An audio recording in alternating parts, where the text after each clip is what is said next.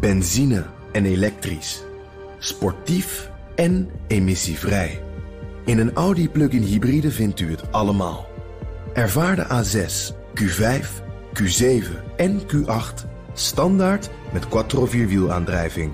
Wat u ook zoekt, u vindt het in een Audi. Audi. Voorsprong door techniek.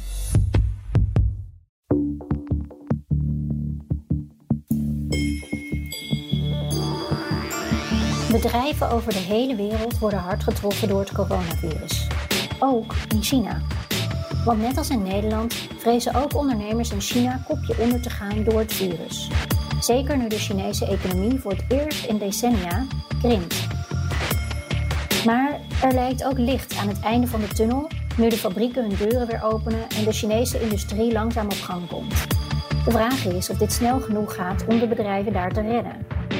In deze aflevering daarom de vraag: welke Chinese bedrijven gaan de coronacrisis overleven? Mijn gasten deze aflevering zijn sinologe Valérie Hoeks. Zij heeft met haar bedrijf China Inroads veel contact met Chinese ondernemers. En Luc Ediens, tech-ondernemer in China en Chief Commercial Officer voor het Chinese bedrijf Xnode. Mijn naam is Liao Wang en deze podcast wordt mede mogelijk gemaakt door het Leiden Asia Center. Nou, Luc, jij werkt dus bij het Chinese bedrijf Xnode. En um, daarmee ondersteun je Chinese start-ups, onder andere vanuit Shanghai, hè, waar, je nu, waar je nu ook bent. Hoe is de situatie nu bij jullie op kantoor in Shanghai? Is iedereen aan het werk en is dat vanaf thuis of op kantoor? Hoe, hoe gaat het daar? Nou, ik moet zeggen dat het uh, eigenlijk alweer een aantal maanden voor ons uh, enigszins genormaliseerd is. Uh, dus iedereen werkt gewoon weer vanaf, vanaf kantoor. We houden gewoon weer meetings. Onze coworking space zit weer vol. Dus op, op dagdagelijkse basis, specifiek voor onze business, merken we eigenlijk heel weinig van het virus. Ehm, behalve misschien dat het iets, iets, iets rustiger is. Um, en, en dat de, de temperatuur wordt opgenomen op het moment dat we het gebouw binnenkomen. Uh, maar verder is het eigenlijk uh, live as usual. Oké. Hey, en Valerie, jij begeleidt het management van organisaties die zijn overgenomen door Chinese bedrijven. En als sinologe leg jij dan de verbinding. Um, herken je het beeld van Luc, dat, dat eigenlijk voor veel Chinese bedrijven het weer business as usual is? Ja, zeker. Maar dat is wel echt pas sinds kort. Um, um, ik merk dat mensen in, nou, een paar weken geleden alweer mochten, zeg maar. Ze mochten weer vliegen, ze mochten weer uh, op pad. Uh, maar ik merkte dat veel mensen toch nog wel angstig waren voor besmetting, dus liever vanuit huis werkten. En inmiddels inderdaad um, zit iedereen ook weer gewoon met elkaar. En ja, ze hebben ook een ander beleid. Hè? Daar ze hebben geen anderhalve meter afstand, iedereen draagt een mondkapje. En er wordt preventief, wat Luc ook al zei, de temperatuur opgemeten. Dus dat is wel anders. En dan mag je eigenlijk weer alles. Ja. Ja. ja. Hey, en Luc, jouw bedrijf helpt dus Chinese start-ups. Um, kun je uitleggen hoe jouw werk eruit zag eigenlijk voor de corona-uitbraak, toen alles nog normaal was? Uh, nou goed, wij doen inderdaad eigenlijk twee dingen. we, hebben een coworking space, waarbij we dus allerlei bedrijfjes letterlijk hosten in ons, uh, in ons gebouw. En daarnaast coachen we start-ups en grote bedrijven op het gebied van innovatie. dus mijn dagelijkse werk is eigenlijk bijna non-stop van meeting naar meeting en van coaching naar coaching. Um, en je kunt je voorstellen dat op het moment dat de, de, de, de coronacrisis Shanghai uh, um, begon te beïnvloeden, dat daardoor ons werk zeer, zeer, zeer ernstig uh, verstoord raakte. En als je dan zegt van we, we, er, zitten start-ups fysiek in jullie gebouw dus, hè, bijvoorbeeld, hoe, met hoe, over hoeveel start-ups gaat het dan? Zeg maar, welke schaal moet ik dat voor me zien? We hebben verspreid, we hebben twee kantoren in Shanghai uh, en een kantoor in Singapore. En in totaal hosten we iets meer dan 200 start-ups. Dus dat zijn echt de jonge technologiebedrijfjes van, uh, nou, laten we zeggen, tussen de 2 en, en 20 man personeel. Um, en, ja. en uh, die proberen we dus te helpen. Um, en, en, zeker in de periode januari, februari, maart was dat uiteraard vrijwel onmogelijk. En was het meer crisismanagement dan iets anders. Ja, precies. En, en Valerie, jij ondersteunt bedrijven na een Chinese overname. Um, wat zijn dingen waar jij in je werk eigenlijk los van corona typisch tegenaan loopt? Nou, even een nuance op wat je net zegt. Um, onder andere hè, na overnames, maar ik zit echt ook gewoon in die integratieprocessen. Uh, ook in bestaande uh, zaken, relaties, dus met joint ventures of langdurige partnerships op andere manieren. En wat uh, voor mij heel cruciaal is, is eigenlijk om ook met grote regelmaat daar te zijn. Um, want ik ben ja. eigenlijk een soort mediator om conflicten op te lossen, maar ook strategieën op, om teams eigenlijk op één lijn te brengen als het gaat om het uitdenken en uitwerken van bepaalde strategieën. En ik zat tot net voor ehm, de uitbraak in China, dat was in januari, zat ik nog in, in China. Toen hoorde ik ook wel wat over iets van een longziekte in Wuhan. En nou ja, dat was allemaal nog een beetje ontastbaar. Um, maar goed, ik zat daar dus. En die tijd was ook heel intensief. Ik zat bijna maandelijks in China. En dat is natuurlijk nu even helemaal niet zo. Dus voor mij. Nee, want als je het hebt over die conflicten oplossen of samen verder gaan over die strategie, Deed je dat dan meestal in workshopvorm met Nederlanders en Chinezen en iedereen bij elkaar? Ja, het hangt heel erg van de situatie af. Ehm, ehm, het mooiste zou zijn uh, dat je met elkaar meteen om de tafel kunt. Um, maar in sommige gevallen is het juist ook veel beter om mensen apart te nemen. Dus je moet je voorstellen dat er uh, een bedrijf is uh, vanuit Nederland en die heeft een bepaalde visie op hoe, hoe, hun partner het in China doet. dat zijn vaak grotendeels aannames, omdat je toch niet daar bent en niet helemaal uh, kan zien wat er gebeurt. Um, en dan is vaak de insteek dat ik daar uh, namens hen zit. En omdat ik de taal spreek en um, ja, toch China goed begrijp en ook de Chinezen goed kan inschatten, um, zit ik dan eigenlijk met hen in gesprek om hun perspectief uh, inzichtelijk te maken. En met die informatie, dat zijn heel vaak hele waardevolle nieuwe inzichten, ga ik dan weer terug naar het management in uh, Nederland of in Singapore, waar ze dan ook zitten, um, om vervolgens met elkaar uh, aan de slag te gaan. Ja, dus juist voor jou en jouw positie als persoon in het midden was dat face-to-face -face contact met zowel de ene als de andere kant eigenlijk een superbelangrijk onderdeel van je werk. Ja, en ik moet je zeggen dat um, um, in het begin is het net als de rest van Nederland iedereen even in paniek van oké, hoe gaan we met die situatie om? En ik merkte heel erg bij mij dat de lopende projecten lopen door, want je relaties zijn gelegd en je kan via WeChat natuurlijk heel goed uh, blijven communiceren. Dat is ook een groot belangrijk onderdeel van mijn werk. Maar voor nieuwe contacten is het best uitdagend. En ja, ik moet toch het vertrouwen winnen op in heel kort tijdsbestek van Chinezen die mij nog niet kennen ja, als je dat via de telefoon moet doen, dat is lastig. Maar ik heb nu weer net een nieuw groot project waar ik dat ga uitproberen. Dus het is uh, gewoon roeien met de riemen die we hebben. Ja, ja precies. Dus voor jullie beiden um, was het eigenlijk, ja, die fysieke meetings waren een heel belangrijk onderdeel van je werk. En uh, toen kwam corona en toen kon dat eigenlijk niet meer, of in ieder geval even heel erg beperkt. Luc, wanneer merkte jij en je collega's voor het eerst dat er iets aan de hand was? Uh, ik moet zeggen dat uh, begin januari, eind december, toen, hoorde je wel al wat geruchten hier en daar uh, doorcijpelen. Maar dat was, op dat moment was nog niet precies duidelijk wat, het nou, wat er zich allemaal af aan het spelen was in, Wuhan. Um, wat persoonlijk, wat ik me heel goed bijsta, is ik was op vakantie met Chinees nieuwjaar. Dus ik zat ergens op een, een bounty strand in Indonesië, was ik aan het duiken. Um, en, en toen kwamen zeg maar, alle berichten vanuit Chinese media binnen dat het echt richting pandemie ging. Um, en eigenlijk vanaf dat moment, dat was ongeveer midden in mijn vakantie, dus uh, wat is dat, eind januari, uh, was het in één keer crisismanagement. Uh, en, en een hele rare gewaarwording, want wij, wij waren als bedrijf in 2019 eigenlijk heel hard gegroeid. Net klaar om, of net de strategie bepaald voor 2020. Net het hele personeel best wel een flinke salarisverhoging gegeven. Dus iedereen ging met een heel goed gevoel de vakantie in. en eigenlijk met het idee, we gaan nog eens een keer zo'n groeijaar doormaken. Uh, en, en, een week later, letterlijk een week later, uh, midden in de vakantie, was het uh, nou, echt crisismanagement, cashflow projecties maken, gaan, gaan bedenken hoe we het bedrijf gingen redden. Dus, dus ja, dat was bijna in, in, in 24 uur een totale mindset, mindset shift. waar wij, ik persoonlijk heb daar echt even over moeten doen om dat op een goede manier een plekje te kunnen geven. Ja, maar jij lag op je bounty-strand en toen, toen uh, nou, kwam het nieuws van die pandemie. Wat, wat dacht je toen over je business? Zeg maar? wat, voor, wat voor impact heeft dit gehad op jullie? Nou, wij, wij, zijn, natuurlijk, werken met jonge technologiebedrijven. Nou, dat zijn per definitie bedrijven die zeer kwetsbaar zijn. Uh, vaak bedrijven die vaak nog verlies maken. Bedrijven die uh, afhankelijk zijn van het geld van investeerders. Uh, en dat geldt ook voor ons. Wij zijn zelf een bedrijf met 40 man personeel. Uh, en, en uh, van 2008 tot 2019 zijn wij verdubbeld in, in aantal mensen en ook in, in omzet. dus het klinkt leuk, maar dat betekent dat je heel, heel, heel kwetsbaar bent. Um, dus, dus we hebben meteen allerlei analyses gemaakt. En ik kreeg in mijn vakantie, dus dat was zeg maar in die week, de, de tweede week, ik ben twee weken op vakantie na die tweede week kreeg ik meteen allerlei telefoontjes van klanten en, waar we mee werken, waar we grote projecten mee zouden doen. met allerlei bedrijfjes die in onze coworking space kantoor houden. dat bedrijven de betaling wilden stopzetten, dat of het project niet konden uitstellen. Dus wij zagen al heel snel aankomen dat dat een hele significante impact ging hebben. En uiteindelijk hebben wij in de eerste vier maanden van het jaar hebben wij 80% minder omzet gedraaid. Dus dat is, ja, dat is super fors. Ja, en, en kreeg je dan vervolgens, want in Nederland is er natuurlijk echt zo'n gigantisch uh, steunpakket gekomen. Er is ook een apart steunpakket gekomen voor, voor starters, waardoor ze extra konden lenen. Hoe, hoe was dat in China? Dat is een van de dingen die mij persoonlijk uh, dus heel erg opgevallen. Ik heb natuurlijk ook uh, goed gevolgd wat er in Nederland allemaal gedaan is vanuit de overheid. En inderdaad ook specifiek voor startups. en eigenlijk durf ik wel te stellen dat de Nederlandse overheid vele malen agressiever heeft ingegrepen dan de Chinese overheid.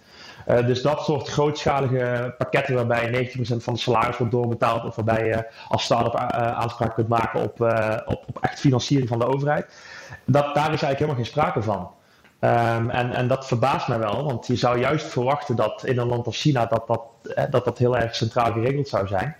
Um, en, en wat ik met name heb gezien is er zijn wel wat dingen gedaan, uh, maar ik denk ook oprecht dat de Chinese overheid de hele coronasituatie heeft gebruikt als een soort mechanisme om de, de economie als het ware een beetje uh, gezonder te maken. En bedrijven die toch al ongezond waren ook uh, bewust op de fles te laten gaan.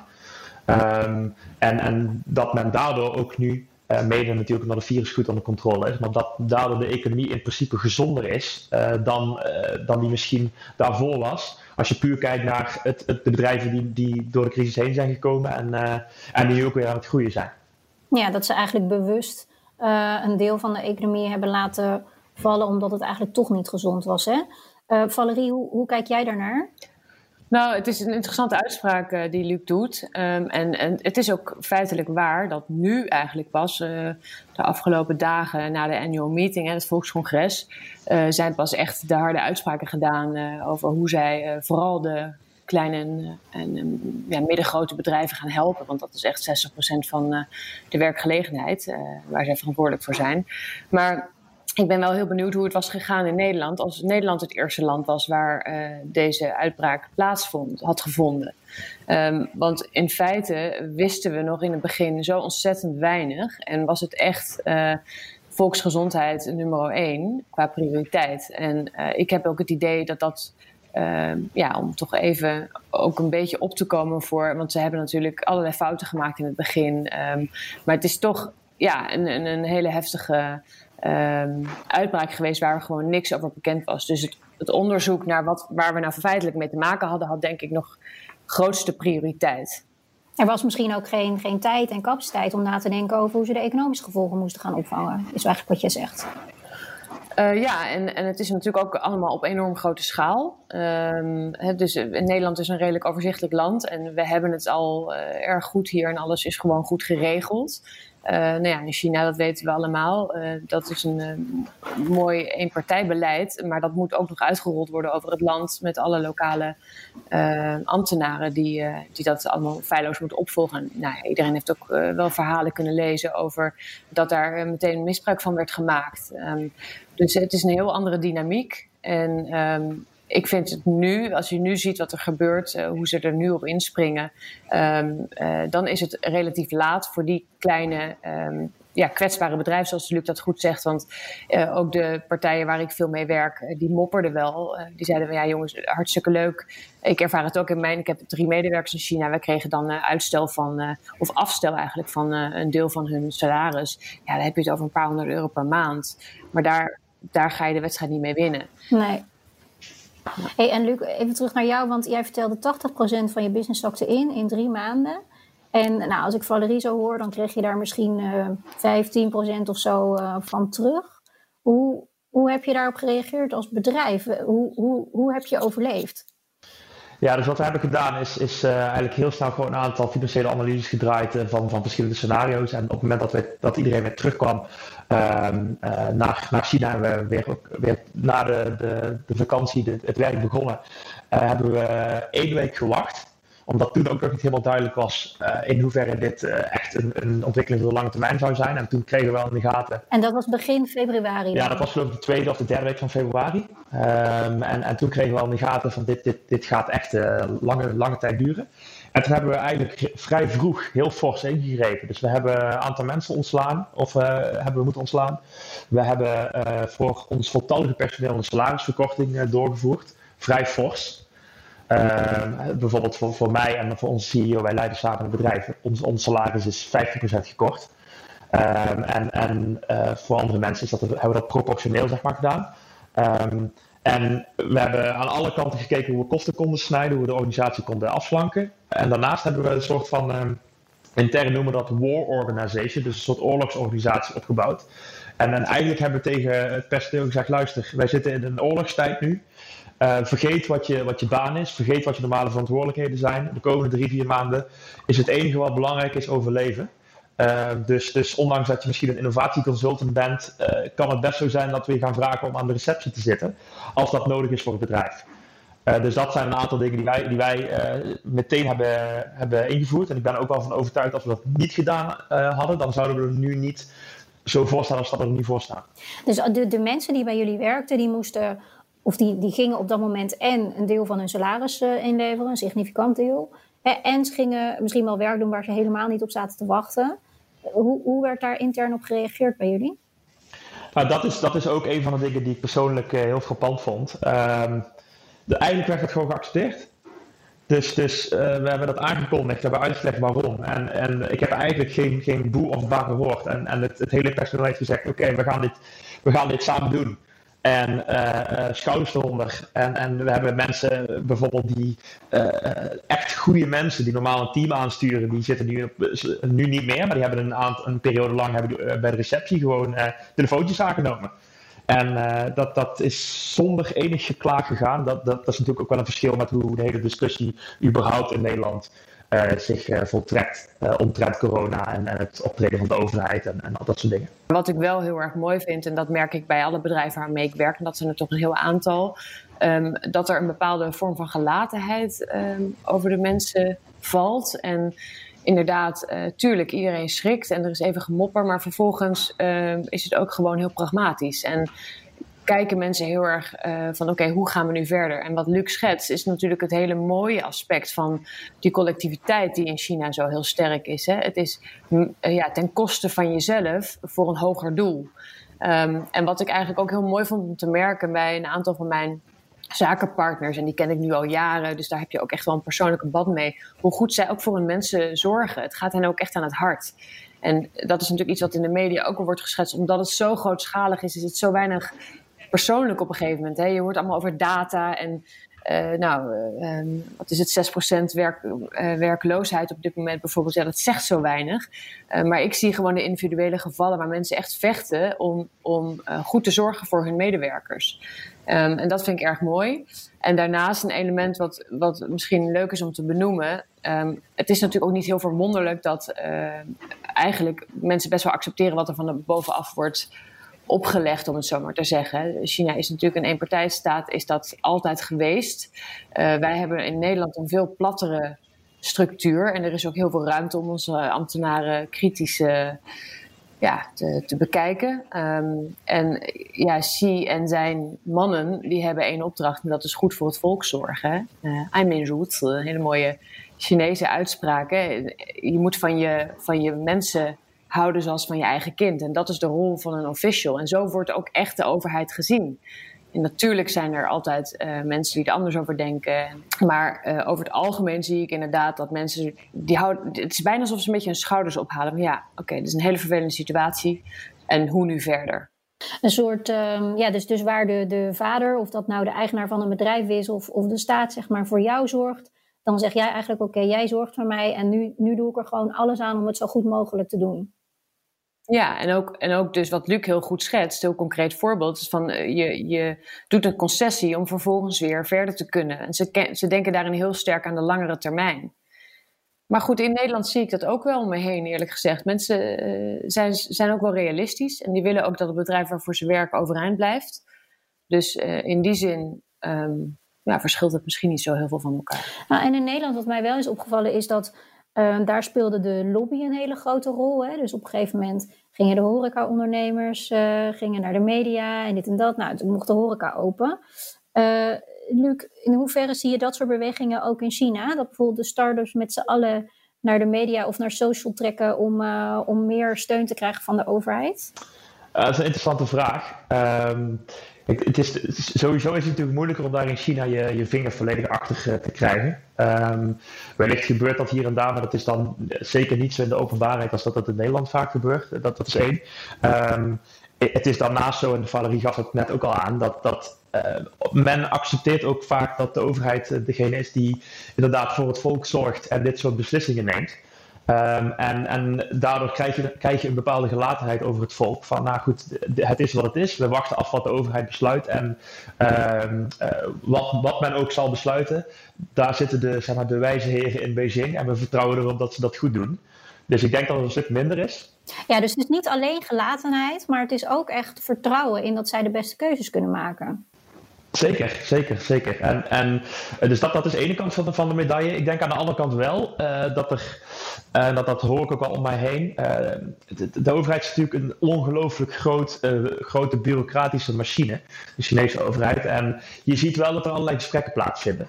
Dus bijvoorbeeld, wij zijn een coworking space. dan worden alle, ik geloof de, de 15 grootste coworking spaces van Shanghai worden bij elkaar geroepen door de overheid. En eigenlijk wordt dan in zo'n sessie wordt er gevraagd: uh, hoe, hoe staan jullie ervoor? Uh, hoe ernstig is de situatie? Wat vinden jullie dat we zouden moeten doen? Maar dat gaat dan. Um, uh, dat gaat op zijn Chinees, dus dat wordt niet direct gevraagd. Dat wordt omslachtig gedaan en dan worden daarna in de avond ook nog een telefoontje gepleegd hier en daar. En, dus het is niet zo dat die informatie tussen pri private sector en, en publieke sector dat dat niet ehm, dat dat niet loopt en dat dat niet gedeeld wordt, maar dat allemaal wat meer achter de schermen, althans dat is mijn ervaring. Voel jij je gehoord als, als eigenaar van zo'n toch wel kwetsbaar bedrijf in de start-up scene? Uh, voel ik me gehoord? Nou, ik, misschien ben ik dan in die zin ook een beetje Chinees geworden. Uh, ik, ik, ik, ik, heb, ik stel mezelf die vraag eigenlijk niet, want uh, ik, moet, ik moet het gewoon doen met de omstandigheden die er zijn. Ja, dus ik kan wel, ik kan wel gaan nadenken over wat de overheid meer of minder zou, zou kunnen doen of hoe ze ons verder zouden kunnen helpen. Maar dat helpt mij niet. Dus ik, ik probeer als ondernemer ook te focussen op de dingen, de variabelen die binnen mijn controle liggen. Dus, dus um, ja. Uh, ik, ik voel me misschien niet helemaal gehoord en misschien zou de overheid wel iets meer hadden, uh, hadden kunnen doen. Maar, maar tegelijkertijd, um, uh, ik heb me die vraag nooit gesteld. En, en, verder uitzoomend um, heeft China nu voor het eerst in decennia uh, economische krimp. En de overheid heeft ook al aangegeven dit jaar geen doel te stellen voor, voor groei van het, uh, van het BBP. Valerie, hoe opvallend is dat, dat die keuze nu is gemaakt op het Volkscongres? In principe, um, er werd al enorm op, uh, over gespeculeerd. Eigenlijk hadden mensen wel iets verwacht in deze trant, of in ieder geval een afzwakking van het, van het belang van een GDP-doel. Um, er ligt natuurlijk al een tijd een focus op um, een verschuiving van, van snelheid en schaalgrootte uh, naar kwaliteit. En ik denk dat, um, uh, ja, dat dit in lijn is met, met die trend. En ik denk alleen dat, uh, dat het COVID, de, ja, het heeft gewoon deze versnelling nog verder ondersteund. Dus um, het verbaast mij niet. En het IMF heeft het gehad over 1,2 tot misschien uh, heel optimistisch 3 procent uh, GDP-groei. Nou, dat zijn gewoon geen cijfers waar de Chinese overheid graag over communiceert. Dus het moet natuurlijk wel met een goed verhaal blijven. En dat doen ze heel knap. Um, in feite richten ze zich nu gewoon veel meer op um, ja, eigenlijk op, op de binnenlandse situatie, waarbij de kwaliteit van leven, van, van gezondheid van de mensen, maar ook gewoon de basisbehoeften op orde moeten zijn. En um, dat, is, dat is iets wat ook echt um, in het belang van het volk is. Ja, dus door de situatie is de groei wat die is. Daar kan je dan misschien niet zoveel aan doen. En eigenlijk heeft de overheid dus gezegd van het verhaal wat we daar omheen maken is dat we de focus verleggen naar de kwaliteit van leven van onze mensen. Ja, maar er is nog wel een hele positieve uh, wending aangegeven ook. En uh, dat is ook goed om te noemen. Kijk, er is Ehm, China zegt al jaren, eh, China, uh, Made in China 2025, uh, waarbij China natuurlijk de grote innovatieve leider van de wereld wil worden. Um, en op een gegeven moment ja, verwacht je dat dat door zo'n crisis wel uitgesteld zal gaan worden. Maar China draait het om. Die pakt nu zijn kans om waar Amerika nog in, ja, intern enorm veel problemen met volksgezondheid even op te lossen, uh, gaat China uh, eh, 10 triljoen yuan, dat is ongeveer anderhalf triljoen US dollar, investeren. Um, om inderdaad op, op die vlakken van um, artificial intelligence, um, het, het, automatiseren van de fabrieken, autonoom rijden, allerlei nieuwe technologieën, om daarop door te pakken. Ja. En ja, dat, dat biedt ook ontzettend veel kansen. Juist voor die bedrijven waar ik... Ik zit heel veel in die automation van, uh, in fabrieken. Ja, je ziet dat al die bedrijven daar graag op inspringen. Dus er staat ook echt wel wat tegenover. Hey, en Luc, want jij gaf net ook al even aan van... Uh, misschien is er ook wel ergens een stukje uh, dat, dat bewust bedrijven onderuit zijn gegaan. Hè? Of dat de overheid daar niks aan heeft gedaan. Herken je wat Valerie zegt? Dat er misschien wel bepaalde sectoren zijn die nu belangrijker zijn dan andere. Uh, en dat eigenlijk deze crisis wordt aangegrepen om die transitie te versnellen? Ja, ik kan me daar echt eh, voor de volle 100% in vinden. Uh, kijk, althans, wat mij betreft, als je macro-economisch de economie van China analyseert, met name in het verleden, dan was dat heel erg ook geënt op, op, op real estate, hè, dus op gebouwen. Dus, dus bouwen, bouwen, bouwen. assets, assets, assets. En die assets die gaan op een gegeven moment in waarde omhoog als je maar genoeg erin door blijft investeren. Dat is heel lang. En nog steeds wel voor een groot gedeelte is dat het model geweest van China. Um, en, en, wat wij heel erg zien is precies uh, zoals Valerie aangeeft. Is, en dat is, vind ik ook, dat is echt knap. En, en dat is ook een van de redenen waarom ik op sommige vlakken ook wel echt bewondering heb voor de Chinese overheid. Is zeer strategisch. Een crisis gebruiken als een kans. Uh, en de kans is om die, die, uh, die strategie om, om een soort innovation powerhouse van de wereld te worden, om, om dat nog verder te versnellen. Dus wat wij bijvoorbeeld uh, zien is dat inderdaad investeringen in 5G, artificial intelligence, dat dat nog veel sneller gaat dan dat het al ging. en en bijvoorbeeld een, een, aardig voorbeeldje is denk ik, er is een stad een uurtje buiten Beijing, Tianjin heet die stad als ik het goed uitspreek. Um, en dat is een stad die eigenlijk al volledig smart is. Dus ik ben daar geweest en dat de, de, wegen zijn slim, de, er rijden robots rond, er rijden uh, geautomatiseerde auto's rijden er rond. Um, daar, uh, je hebt daar een city branch, dus, dus alle bewegingen van alle mensen worden al centraal, centraal gevolgd. Al die data voor, voor die hele stad, dat zijn geloof ik 400.000 mensen, wordt centraal uh, geaggregeerd. en dat soort projecten, ja, daar wordt gewoon ongelooflijk veel geld tegen, tegenaan uh, gesmeten. Um, en, en daarmee bouw je wel een infrastructuur die je als economie uh, verder gaan helpen om, om nog veel sneller die slag te maken. Ja, en juist nu worden die, worden die investeringen dus ook uh, gedaan. Dus waar misschien in het begin er nog weinig ruimte was om na te denken hoe gaan we hier economisch op reageren, zie je nu de overheid heel erg in de lead keuzes maken uh, waar ze gaan versnellen en waar ook juist niet. Ja, zeker. zeker. Dus, dus wat ik zie is, wat ik net al aangaf, wat, wat minder in, in gebouwen en in real estate en een beetje de oude economie. En meer toe naar, nog meer toe naar technologie, nog meer toe naar innovatie. En, en als we dan doorspoelen naar de situatie uh, vandaag. Hè, in Nederland praten we veel over de nieuwe normaal, thuiswerken, anderhalve meter afstand, uh, dat soort dingen. Luc, hoe ziet voor jou de nieuwe normaal eruit in China? Nou, ik denk aan een aantal dingen. Dus wat je, wat je heel sterk ziet, gewoon meer op microniveau, dus als je echt kijkt naar hoe bedrijven hun business runnen. Uh, uiteraard heb je de trend van digitalisatie. Hè? Dus, dus, dus uh, iedereen gaat, gaat digitaal. Uh, digitale tools worden meer gebruikt. ook, ook in China heb je nog steeds een, een percentage mensen die, die bijvoorbeeld wat meer thuis werkt. Overigens gaat dat wel op de Chinese manier. Dus, dus ik ken bijvoorbeeld een aantal bedrijven die mensen toest, toestaan om vanuit huis te werken. Maar dan moet je wel acht uur lang moet je, je, je ingelogd zijn op Zoom uh, en moet je je camera aan laten staan. Um, dus dus, dus daar, daar wordt wel nog een bepaalde mate van controle op uitgeoefend uh, door bedrijven. Dus het is, uh, digitalisatie is één. Um, maar ik denk eerlijk gezegd ook dat het, dat het misschien, althans als ik kijk hoe hier het leven in Shanghai zich nu voltrekt, dat het misschien enigszins overtrokken wordt. Dus, dus ik zie juist uh, inderdaad dat de overheid ook bezig is om mensen aan te sporen om juist weer de deur uit te gaan. Uh, gisteren uh, was er in Shanghai een groot concert met duizenden mensen. georganiseerd op impuls van de overheid, juist om mensen dat bericht te geven. het is veilig. We zijn in een post-corona-tijdperk. Jullie kunnen weer naar buiten. Ga alsjeblieft geld uitgeven en ga, ga jezelf vermaken. dus, dus naast digitalisatie verwacht ik nou ja, goed, dat, innovatie wat we net al noemden, maar ik verwacht geen uh, lange termijn uh, um, anderhalve meter samenleving-achtige uh, nieuwe normaal, wat, wat we in Nederland wel hebben. Nee, eigenlijk als ik jou in het begin hoorde, is dat al niet zo. Want al, jouw collega's werken al op kantoor. Um, jij hebt hier face-to-face meetings. Geef jij mensen voelt een hand als je ze tegenkomt? Ja, en ook, ook, ook ja. bij mondkapjes, daar zie je ook al dat dat wat, uh, wat losser wordt. Hè. Dus, dus hiervoor, op het moment dat je geen mondkapje op had buiten, dan, dan keek iedereen je aan. En je ziet dat het nu echt al, nou laten we zeggen dat uh, 20 tot 30 procent van de mensen al geen mondkapje meer op heeft.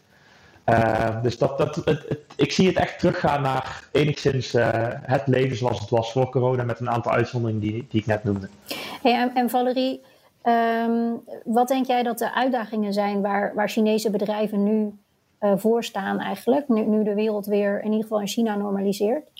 Nou ja, daar, daar zeg je het eigenlijk al. In China normaliseert het, maar in de rest van de wereld um, is dat nog lang niet zo. Dus uh, uh, Europa en de VS als afzetmarkt bijvoorbeeld, um, is, uh, dat is echt nog steeds een groot probleem. En ik, ik heb een aantal partners die ook echt mij hebben verteld hoe zij afhankelijk zijn en dat ook nu heel erg zo ervaren Um, van toch westerse toeleveranciers, bijvoorbeeld uh, machines die niet of te laat worden geleverd. Uh, maar bijvoorbeeld ook uh, de kerntechnologie van een bepaald product, die ook echt niet lokaal voorhanden is. Dus ik merk heel erg dat de Chinezen hebben natuurlijk vanuit hun um, ja, dienende positie aan hun klanten. Hè, die staan toch altijd een stap hoger in de hiërarchie. Uh, moeten ze toch snelheid kunnen blijven maken. Ze moeten anders voor hen gewoon een ander. Dus zij zijn met man en macht bezig om zo snel mogelijk met een alternatief op de proppen te komen. Um, dus dat is niet alleen een uitdaging voor uh, de Chinezen zelf, maar ook een uitdaging voor uh, ja, westerse bedrijven waar ik dan mee werk. Um, want ik zie gewoon dat die competitie toeneemt. Dus we hebben bijvoorbeeld een ik werk heel veel in de afvalverwerking, doe ik allerlei verschillende projecten. En ik werk voor een heel mooi Nederlands uh, MKB-bedrijf en die verkoopt uh, al jarenlang heel succesvol uh, bepaalde afvalverwerkingsmachines aan China. En die lokale partner, die begint ook wel een beetje, die is echt bezorgd. Die zegt van nou, ik zie gewoon lokale spelers heel dichtbij komen. En dit in combinatie met het beleid van China, waar ook het liefst innovatie van ja, van Chinese bodem komt, dan kan je je voorstellen dat dat natuurlijk een hete adem in, in de nek vormt. Dus ik, ik zie een toenemende lokale uh, competitie.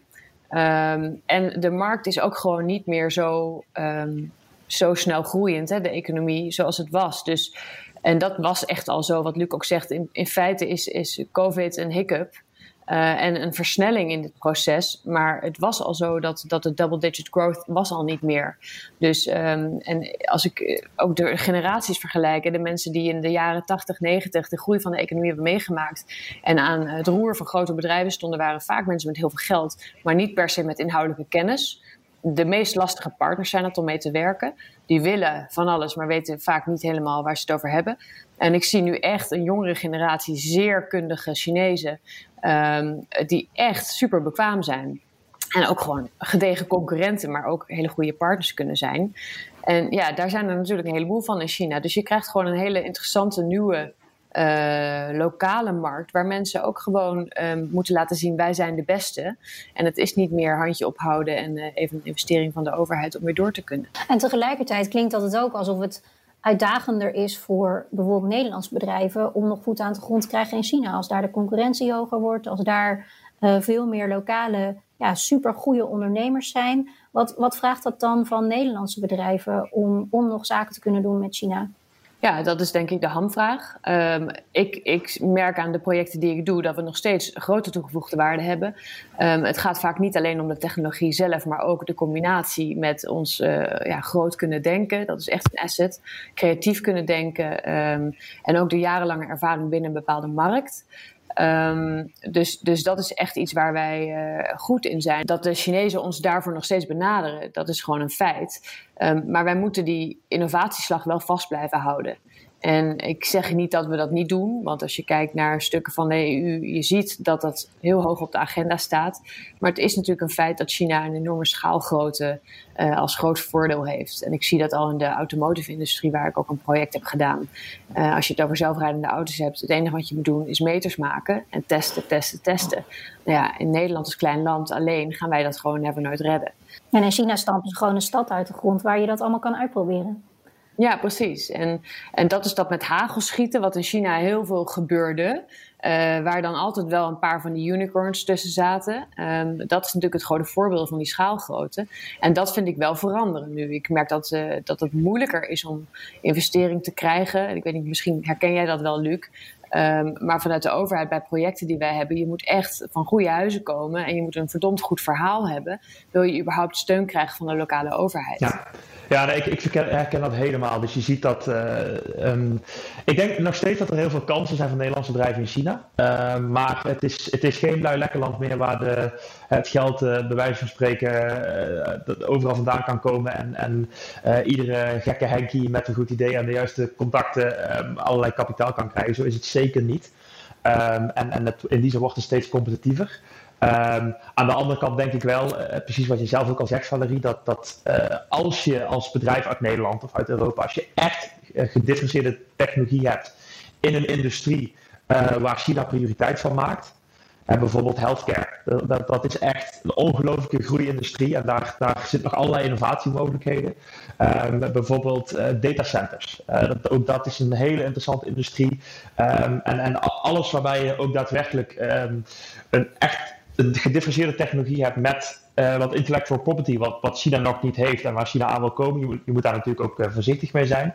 Maar ik zie nog zoveel kansen. En een van de, de dingen die mij wel eens ooit frustreert, is dat nog steeds veel te veel, als je het mij vraagt althans, Europese bedrijven puur alleen kijken naar de Amerikaanse markt. terwijl ja, China is lastig. Um, en en is, je moet allerlei barrières overkomen. Maar tegelijkertijd, uh, het is ook gewoon nog steeds, zelfs gedurende of post-COVID, de markt waar, waar de kansen ongelooflijk exponentieel zijn op het moment dat je, dat je het juiste bedrijf hebt op het juiste moment met de juiste partner. Dus heel veel kansen. Um, in Nederland is volgens mij gezegd dat de helft van de niet-financiële bedrijven vreest voor het eigen voortbestaan. Luc, hoe, hoe zie jij dat in China? Nou, ik denk dat een, een groot gedeelte van de klap al, al is gekomen. Dus uh, om, ons heen, om maar een voorbeeldje te noemen van de start-ups waar. Ik geloof dat uh, 20 tot 30 procent is omgevallen. Dus dat is vrij fors. Um, maar nu, uh, we zitten inmiddels, uh, wat is het, begin juni.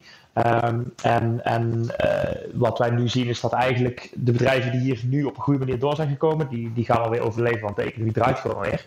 En, en voor vrijwel alle industrieën is, is, er gewoon weer business. Uiteraard, en Valerie gaf dat net ook al aan, met name voor globale supply chains, daar zitten nog steeds problemen. En, en natuurlijk is met name Europa en, en Amerika zijn uiteraard grote afzetmarkten voor China. En ja, dat soort bedrijven die hebben natuurlijk nog wel problemen en zullen dat voorlopig ook nog wel, wel, wel blijven houden. Um, maar ik denk eerlijk gezegd niet meer dat in de komende vier, vijf, zes maanden dat, er nog, dat we nog hele grote percentages van bedrijven gaan zien die, eh, die nog gaan omvallen. Nou, dus samenvattend was ik dan misschien even benieuwd, um, misschien in één of twee zinnen of jullie nog kunnen beantwoorden. Welke, welke Chinese bedrijven gaan de coronacrisis overleven? Valerie, wil jij uh, starten? Zeker. Um, dat zijn de bedrijven die um, en niet helemaal 100%, maar bedrijven die actief zijn in de sectoren waar China op inzet nu. Uh, en dat noemde ik al eventjes, hè, de, de automation uh, van, van processen in fabrieken, uh, dat, dat uh, autonomous driving, ik heb de Engel, Engelse termen die dat is zo lastig vertalen, maar um, en allerlei artificial intelligence softwareontwikkelingen. Um, maar waar ik ook heel erg in zit, de afvalverwerkingsindustrie, uh, milieutechnologie, dat heeft echt grote prioriteit. als je daarin laat zien dat je echt goed bent um, en ook stappen zet op het gebied van R&D, waar dus nu heel veel ruimte voor komt, al was, maar nog meer, uh, ja, dan zit je volgens mij goed. Luc? Ja, ik, ik, uh, ik, ik kan, Valerie haalt de woorden uit de mond. uh, dat zou zo'n beetje exact mijn antwoord zijn geweest. Misschien met nog de, de, toevoeging. Wij zien ook heel veel groei in bijvoorbeeld wat we dan noemen in, in start-up termen educational tech. Dus technologie om educatie wat meer te schalen. Dus daar, daar wordt ook wel flink in, in geïnvesteerd. Dat hangt dus samen met die trend van digitalisatie. Healthcare, dus, dus allerlei investeringen op het gebied van healthcare, zoals bijvoorbeeld steeds meer behandelingen worden gedaan thuis. en, en ook daarin is men bezig om allerlei efficiëntieslagen te maken. Ehm, en inderdaad dingen als smart manufacturing, dus, dus slimme fabrieken. Uh, dat, dat soort industrieën. En, en precies wat, wat Valerie aangeeft. Uh, als je succesvol bent in China, je moet goed opletten wat de, wat de prioriteiten zijn van de overheid. Dat moet je echt in de smiezen hebben. Je moet zorgen dat je met iets aankomt wat echt differentiërend is. Ja, en dan, dan, uh, dan heb je echt een hele grote kans. Dank jullie wel. De ergste klap lijkt in China dus inmiddels voorbij. En er is weer ruimte voor nieuwe kansen. Met name op het gebied van die technologieën die voor de Chinese overheid belangrijk zijn. Tot zover deze China-podcast. Dank aan mijn gasten Valerie Hoek en Luc Eliens. Deze podcast wordt mede mogelijk gemaakt door het Leiden Asia Center en is terug te luisteren via bnr.nl slash China-podcast, de BNR-app of je favoriete podcastplatform. Reageren? Dat kan via podcast.bnr.nl.